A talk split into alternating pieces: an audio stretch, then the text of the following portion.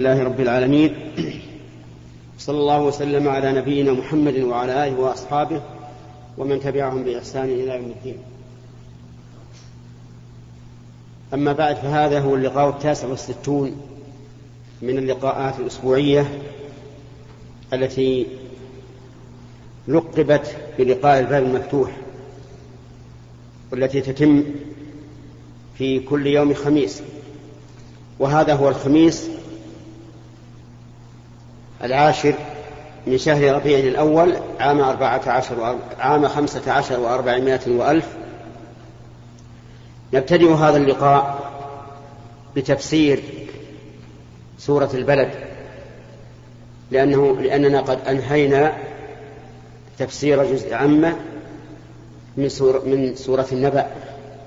يقول الله عز وجل بسم الله الرحمن الرحيم البسملة آية مستقلة وهي من كلام الله لكنها ليست من السورة التي قبلها ولا من السورة التي بعدها بل هي آية مستقلة.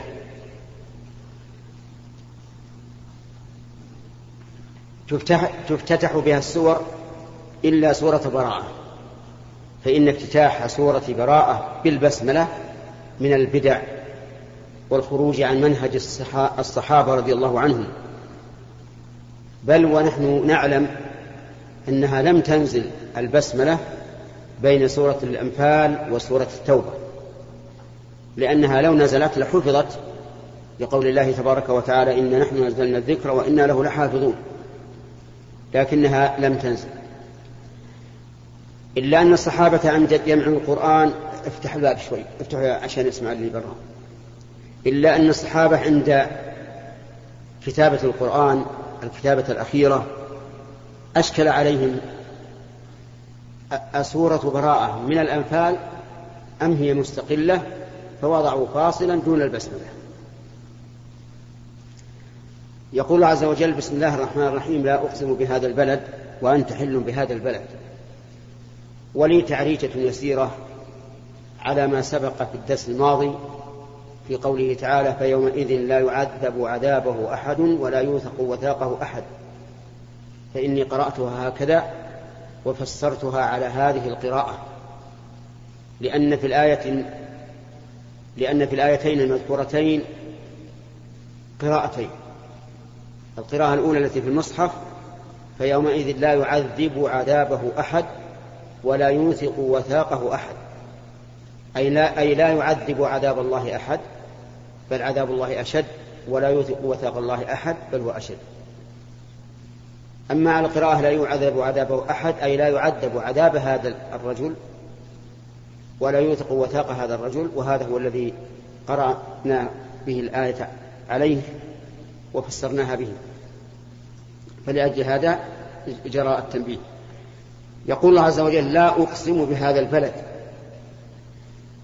لا هذه للاستفتاح لاستفتاح الكلام وتوكيد الكلام وليست نافية لأن المراد إثبات القسم.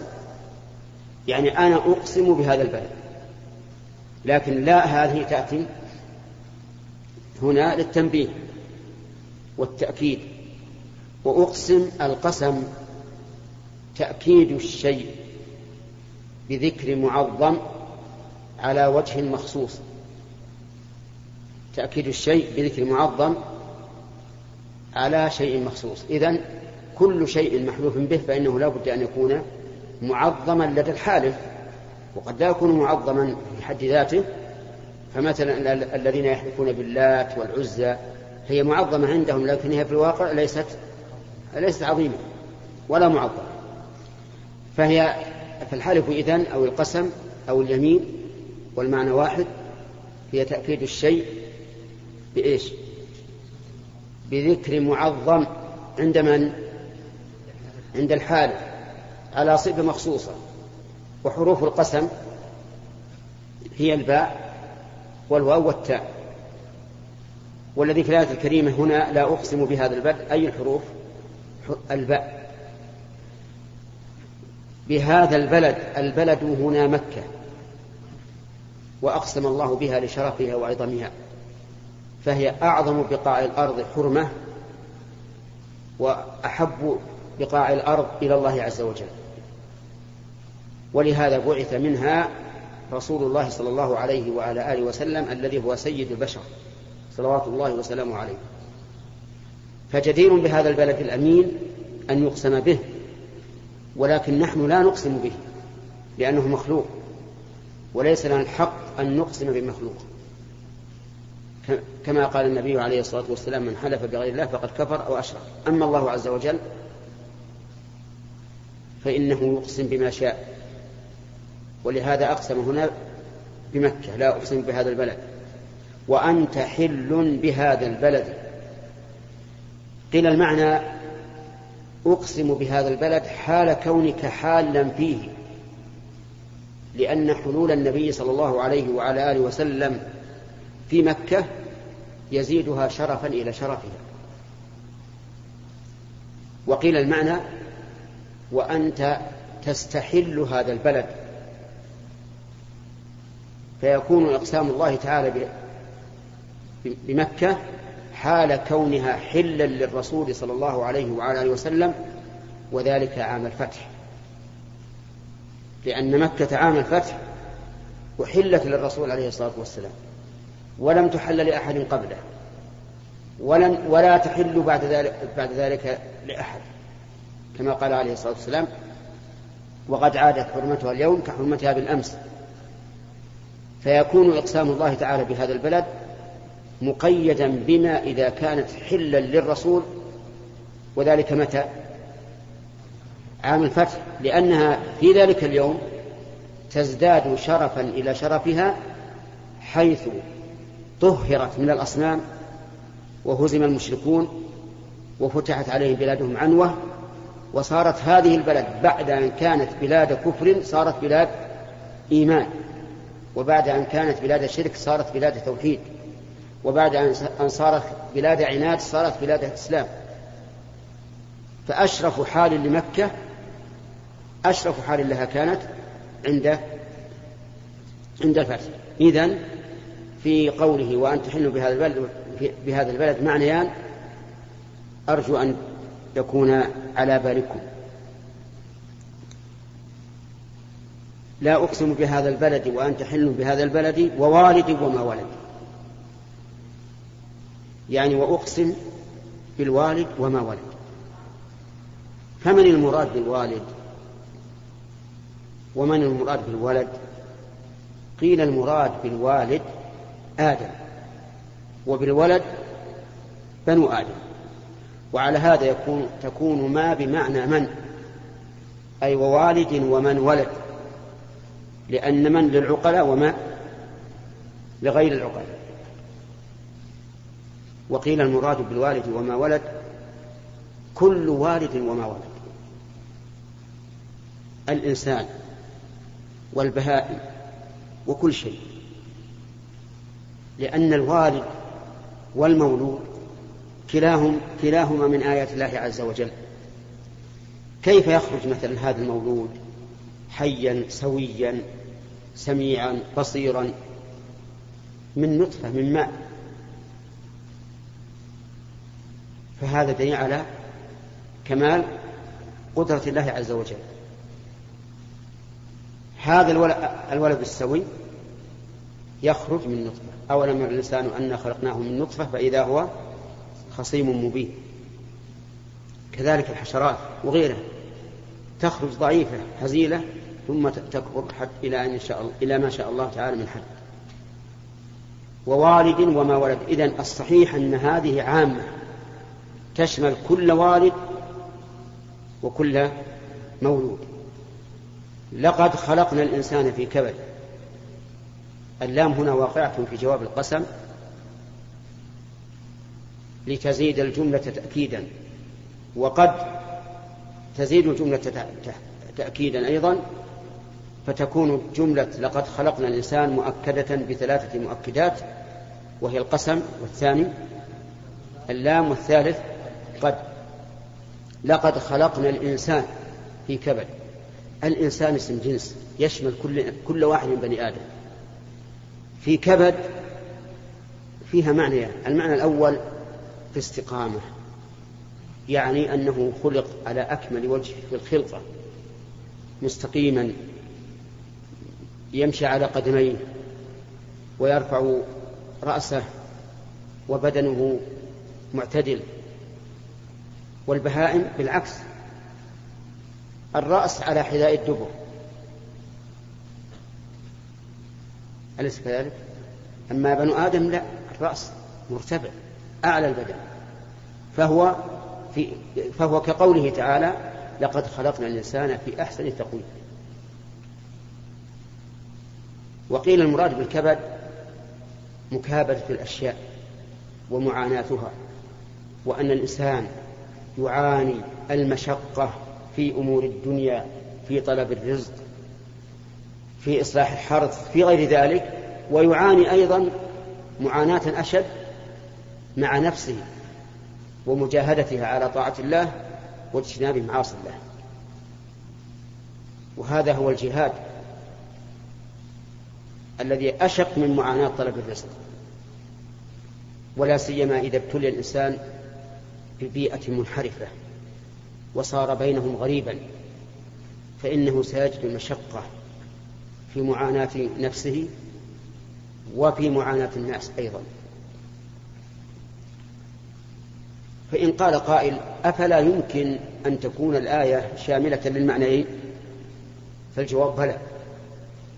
وهكذا ينبغي إذا وجدت في الكتاب العزيز آية تحتمل معنيين وليس بينهما مناقضة فاحملها إيش؟ على المعنيين لأن القرآن أشمل وأوسع. فإن كان بينهما مناقضة فانظر الراجح. فمثلا قوله تعالى والمطلقات يتربصن بأنفسهن ثلاثة قروء. قروء جمع قرء بفتح القاف. فما هو القرء؟ قيل هو الحيض وقيل هو الطهر. هنا لا يمكن أن تحمل الآية على المعنيين جميعا. لماذا؟ للتناقض لكن اطلب المرجح لأحد القولين وخذ به. فهنا نقول لقد خلقنا الإنسان في كبد يصح أن تكون الآية شاملة للمعنيين أي في حسن قامة واستقامة وفي كبد في معاناة في لمشاق الأمور.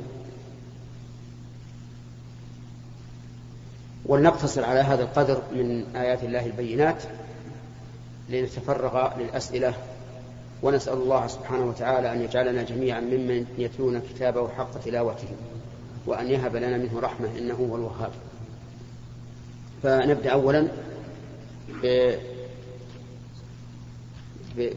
بسؤال الإخوة الذين ليسوا من عنيزة لأنهم ضيوف ولهم حق الضيافة. ولا وليسوا يأتون في الأسبوع إلا مرة. أما الذين في عنيزة فالحمد لله نحن وإياهم سواء أهل بيت. نعم. فضيلة الشيخ معلوم أنه قد تم إيقاف بعض الدعاة من قبل هيئة كبار العلماء آه، بموجب خطاب من سماحة الشيخ الوالد عبد العزيز بن عبد الله بن باز حفظه الله. وهذا الخطاب موجود بين أيدي الشباب. وقد ذكر في آخره أن ذلك الإيقاف للدعاة حماية للمجتمع من أخطائهم هداهم الله. فإذا جاء شخص يحذر من هذه الأخطاء وينبه عليها كتلميع أسماء بعض أهل البدع ثار الناس على من يحذر من هذه الأخطاء واتهموه بالطعن في الدعاة وأصبح وأصبحوا يتعصبون لأشخاص هؤلاء الدعاة ويعادون ويوالون فيهم. فسبب ذلك فتنة وفرقة بين شباب الصحوة. فما توجيه سماحتكم جزاكم الله خيرا. بسم الله الرحمن الرحيم. توجيهنا لإخواننا وأبنائنا أن لا يكون همهم القيل أن لا يكون همهم القيل والقال.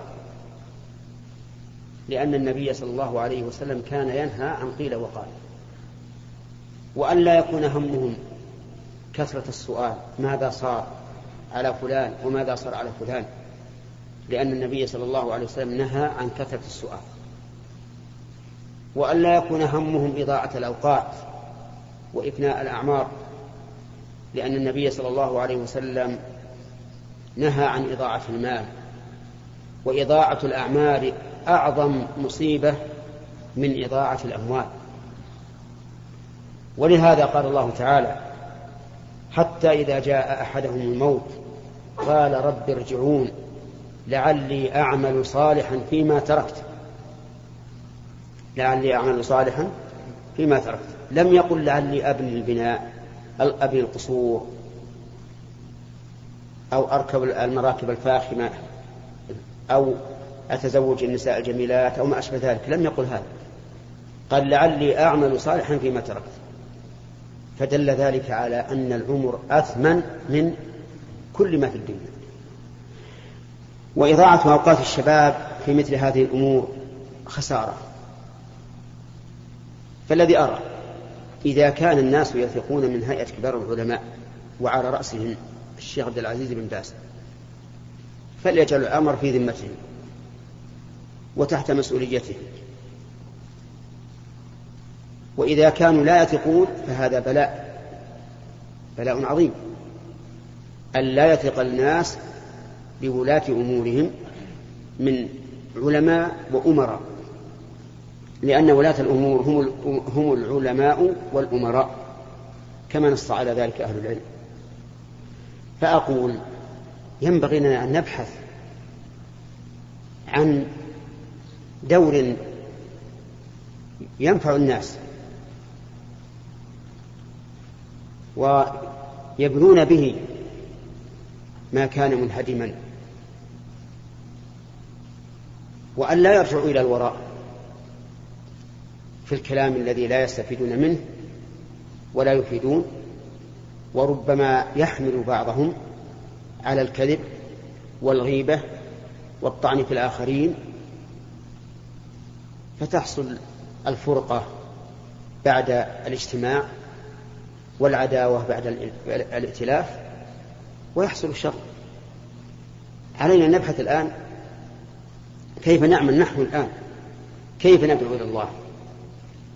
وهل الدعوة إلى الله مقيدة بشروط يحترز الإنسان منها ويأخذ بالشيء على ما هو عليه دون أن يحدث أمرا يؤدي إلى إيقافه؟ نحن نأمر بأن يدعى إلى الله على بصيرة لكن نأمر أيضا بأن يكون الدعوة بحكمة يقصد بها البناء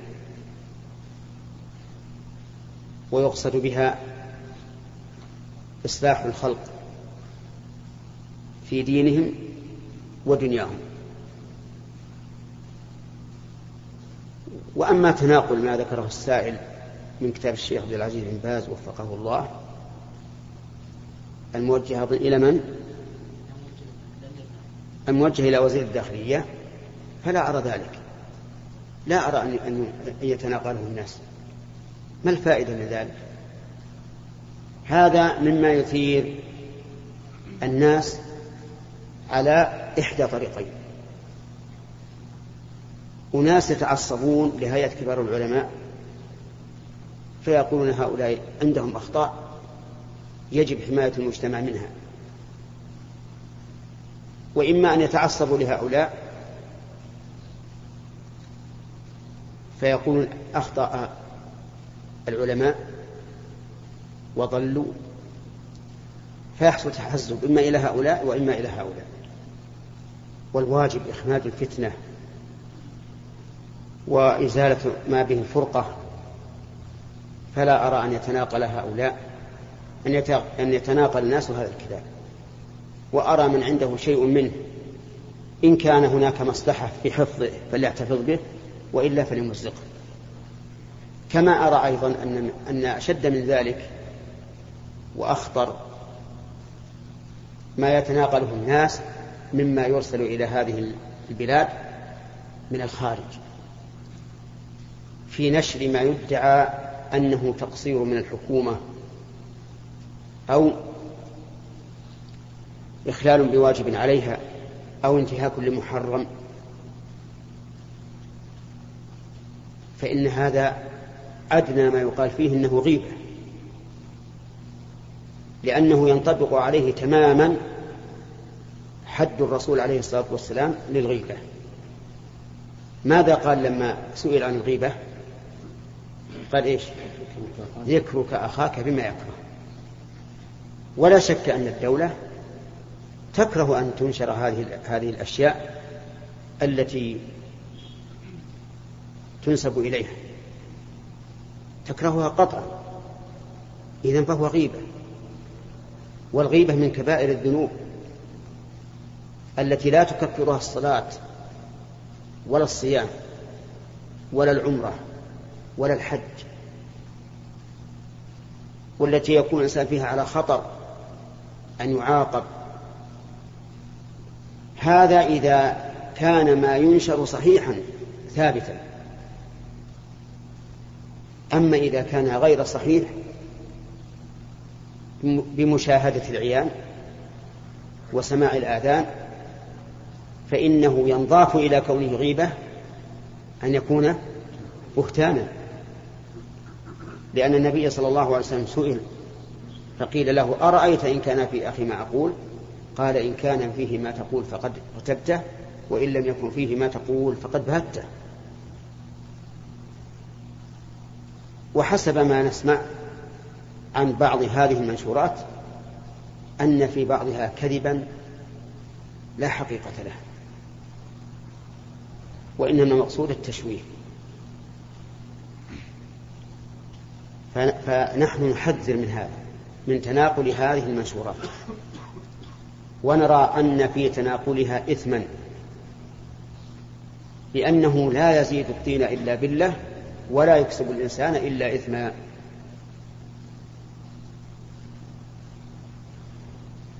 لأن مقام العلماء ومقام الأمراء السلاطين.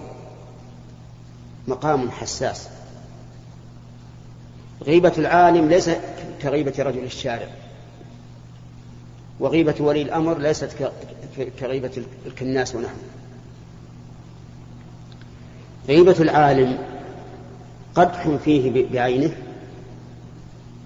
ثم تقليل للثقة فيما ينشره من شريعة الله. وهذه النقطة الخطيرة. إذا قلت ثقة الناس بما يقوله العالم فقد ضاع كل علمه أو أكثره. وعلمه من الشريعة. وإذا قلت هيبة ولاة الأمور من الأمراء والسلاطين قل انقياد الناس لهم. واتباع أوامرهم التي لا تخرج عن شريعة الله. وإذا قل ذلك حصلت الفوضى. وصار كل إنسان يعبث على ما يريد. فالمسألة يا إخواني خطيرة. الآن لو أن أحدا من الناس كتب منشورا في الذي على يمينه أو على يساره من عامة الناس وإن شاء الله فيهم خير. وبده ينشر في الناس. وش يعتبر هذا عدوان عليهم ولا أو ليس عدوانا؟ هذا عدوان. لا شك. وغيبة هذا مع أنهم لو قلت ثقة الناس بهم أو انحط قدرهم عند الناس لم يؤثر شيئا لا في الأمن ولا في الشريعة. فكيف إذا كان يخل بالأمن أو يخل بالشريعة؟ وأنا بسطت هذا لأني رأيت أناسا يحبون الخير. يظنون أن في نشر هذه آه، المنشورات فائدة. وإني أشهد الله ثم أشهدكم أن اعتقادي في نشر هذه المنشورات التي ليس فيها إلا الغيبة والسب من كبائر الذنوب. وأن الإنسان لا يزداد بها إلا إثما. وأن أي فساد يحصل في المجتمع من جراء هذه المنشورات فإنه سيبوء هذا بإثمه. كيف نهدم هذا الأمن بأيدينا؟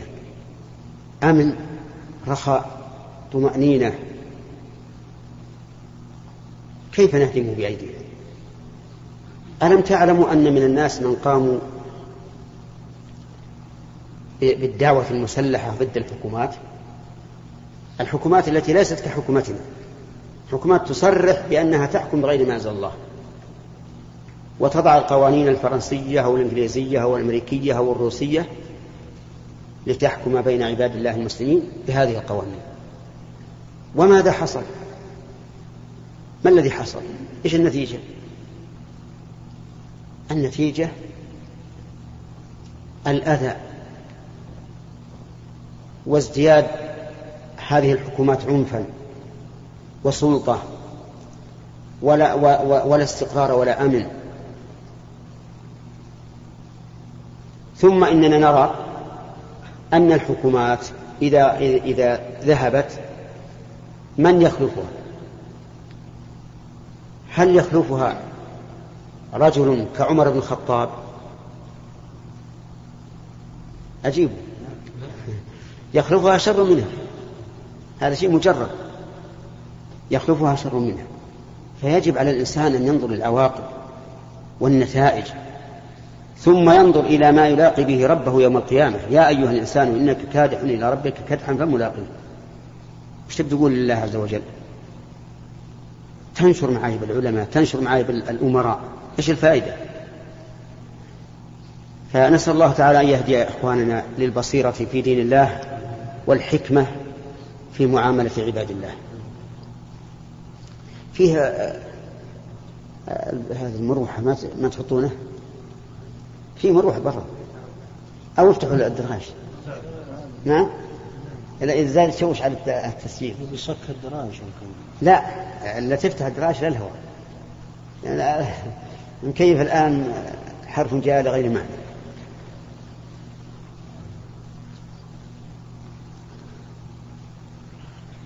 نعم.